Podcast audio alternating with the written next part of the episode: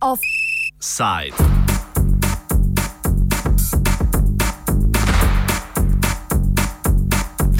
Na podlagi Evropske državljanske inicijative je z čez milijon zbranimi podpisi kampanji Stop Viviseksi uspelo na Evropski komisiji vrstiti predlog o popolni prepovedi poskusov na živalih. Pobudniki zahtevajo, da se direktiva Evropske unije, ki opredeljuje živalske poskuse v znanstvene namene, spremeni z besedilom, ki na področju biomedicinskih in toksikoloških raziskav dovoljuje le za človeško vrsto neposredno relevantne podatke.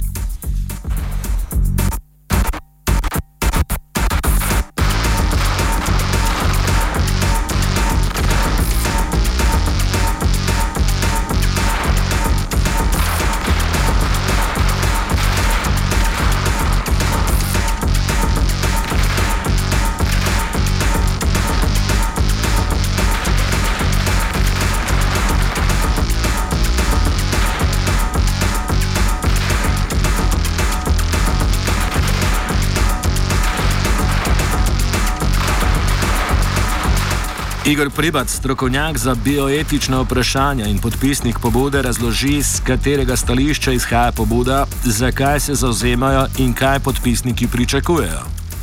Pobuda se eh, deklarativno zauzema za popolno prepoved, eh, prepoved eh, izvajanja kakršnih koli eh, poskusov na eh, živalih. Eh, V, v luči nekega, neke koristi, ki naj bi jo te poskusi imeli za ljudi. Uh, pobuda seveda izhaja iz uh, ideje, da je žival uh, živo bitje, ki ima moralni status, ki ta status pridobi z tem, da trpi in s tem, da ima ne tako zelo drugače kot človek, včasih pa zelo, zelo, zelo podobno kot človek, sposobnosti, ki, ki so moralno moralno pomembne. To je, da, da ima neko notranje eh, življenje, da ima neko, eh, eh, neko samo, sposobnost samozavedanja. Zdaj, to je seveda moralno izhodišče za zahtevo te prepovedi, ki v resnici iz milijonov živali po svetu vsako leto naredi za, za, za sužnje domnevnega človekove, domnevne človekove koristi v resnici celo več kot služno. Lahko govorimo o tem, da se dogajajo v, v laboratorijih po svetu podobni poskusi, kot jih tako rekoč soglasno obsojamo v, v taboriščih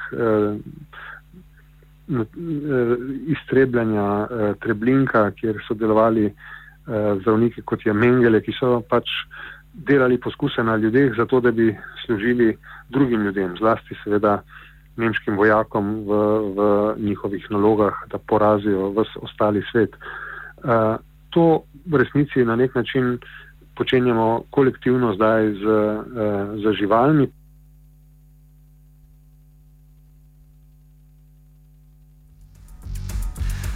O zgodovini in praksi poskusov na živalih smo govorili z Gorozdom Drevenškom z Primorske univerze. Ta opozori, da lahko prepoved v Evropski uniji pripelje do še večjih kršitev pravic ljudi in živali po svetu.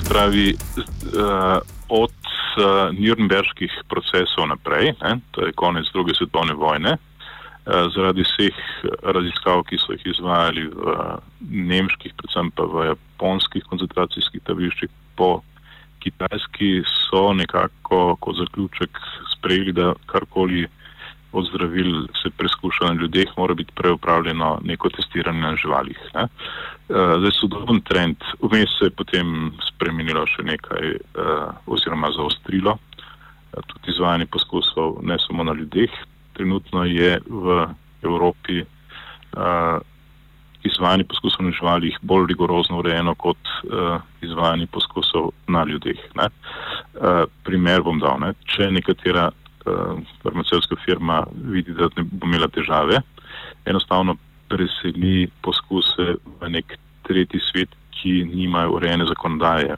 o varstvu niti poskusnih živali, niti uh, ljudi.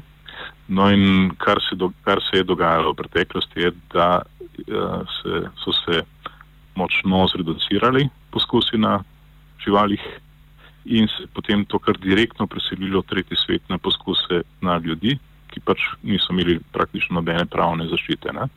No, in uh, tako da ta dimenzija postaja, se pravi, dobiva neko, nek nov obseg problematike. Uh, in uh, tudi ta alternativa, uh, alternativne metode, ki se pojavljajo v Evropi, tkivne kulture, celične in tako naprej, niso povsem strezen model, ker konc koncev šele potem, ko se zdravilo spravi v prodajo, nekaj primerov je tudi takšnih, potem v prvih smrtnih primerih zdravilo makne. Če bi se Evropska unija zauzela za absolutno prepoved poskusov na živalih, pobudniki inicijative pričakujejo hitrejši razvoj novih metod za preizkušanje ustreznosti zdravil. Privac. Prav gotovo bi prepoved eh, pomenila resno spodbudo eh, še hitrejšemu razvoju eh, tistih tehnologij in načinov preverjanja eh, učinkovin, eh, ki so že zdaj. Eh, tu in se razvijajo in so povezane zlasti z razvojem digitalnih tehnologij. Eh, verjetno bi res lahko pričakujemo tudi nek zastoj sicer v tem, eh, v, v nekih rezultatih, kajti preden bi se in kapital in raziskovalne kapacitete no, umestile v nov eh, pravni okvir in se preusmerile torej v nove raziskave, bi seveda prišlo do nekega, do nekega lahko rečemo, zastoja eh, ali zmanjšanega razvoja, vendar eh, bi morda potem lahko pričakovali tudi pospešen razvoj, ki bi nadoknadil izgubljeno. Ehm, dodal bi pa, da podpisniki te pobude, ki se sicer imenuje Stop vivisekciji, torej Stop preizkusom na živalih, ehm, v resnici smo realisti in ne pričakujemo, da bo prišlo do popolne prepovedi eh, že, eh, že zdaj. V resnici verjamem, da je to, ta, prej, ta pobuda, ki ima seveda relativno majhno težo, ne, to je le neka, neka pobuda, ki ne zavezuje um, oblastnih organov Evropske unije, da uh, sprejmejo njeno, njeno, njen duh in da v resnici uh, spremenijo zakone, kot ta pobuda zahteva. Ampak verjamem, da je to oblika pritiska, ki bo utrdila že sedaj splošno sprejete načela v zvezi z eksperimentiranjem na živalih in ta načela so, da je treba nadomestiti te preizkuse z drugačnimi preverjanji vsele, ko je to mogoče da je treba čim bolj zmanjšati njihovo številčnost in da je treba omejiti vse oblike škode, ki jih ti poskusi povzročajo, povzročajo živali. Mojca Kržan z Inštituta za farmakologijo in eksperimentalno toksikologijo meni, da je znanost še daleč od vzpostavitve modelov, ki bi lahko nadomestili zdajšnje poskuse na živalih in ljudeh. Human Brain Project, ki bo zdržal več kot 100 razi najpomembnejših raziskovalnih ustanov iz 24 evropskih držav, bo poskušal računalniško opredeliti možgane. Samo en organ v telesu. Zaenkrat nimamo še ne računalniškega modela, ki bi lahko ponazoril celoten, mislim, skupek učinkov ali pa en sam učinek v tako kompleksnem sistemu, kot je živalski, da ne govorimo o človeškem organizmu. Dokler tega nimamo, se žal poskusom na živalih in kliničnemu preizkušanju ne bomo mogli izogniti. Poskusi na živalih so se strani farmacevtske industrije in raziskovalnih inštitutov skoncentrirali na približno pol ducata izvajalcev v Evropski uniji. A še vedno se ta v omejenem obsegu izvaja tudi na domačih tleh.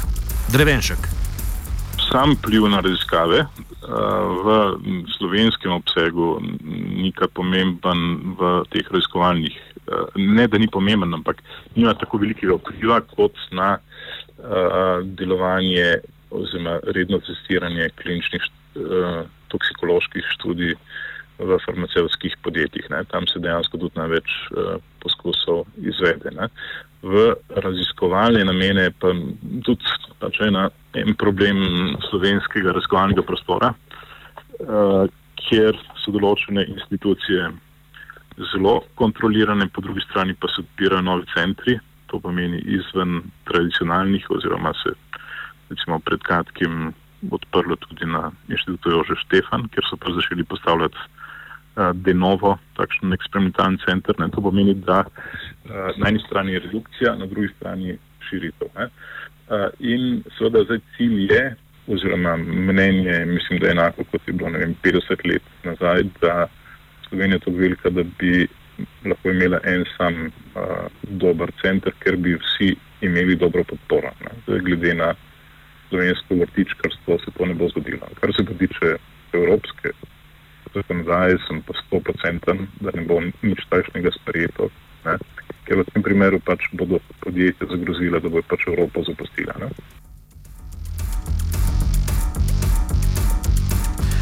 Dovoljenje za poskuse na živalih ne bi bila sicer podvržena enako visokim standardom kot, klini, kot kasnejši klinični poskusi, ki vključujejo ljudi. Mojca Kržan. Dovoljenje, da se dobi, sploh dovoljenje za delo s poskusnimi živali, je enako kompliciran postopek kot dovoljenje za klinični poskus. To mora dobiti etična komisija, uporabo poskusnih živali morajo dovoljiti. Uh, prava za varno hrano, veterinarstvo in varstvo rastlin pri nas, pa še etične komisije na raziskovalnih ustanovah. Tako da samega preizkušanja zaradi preizkušanja na živalih ni. Pri tem se je treba pa držati še tega pravila, da je treba uporabiti najmanjše možno število živali in živali nikdar ne sme trpeti. Offset je pripravil vanec Miha.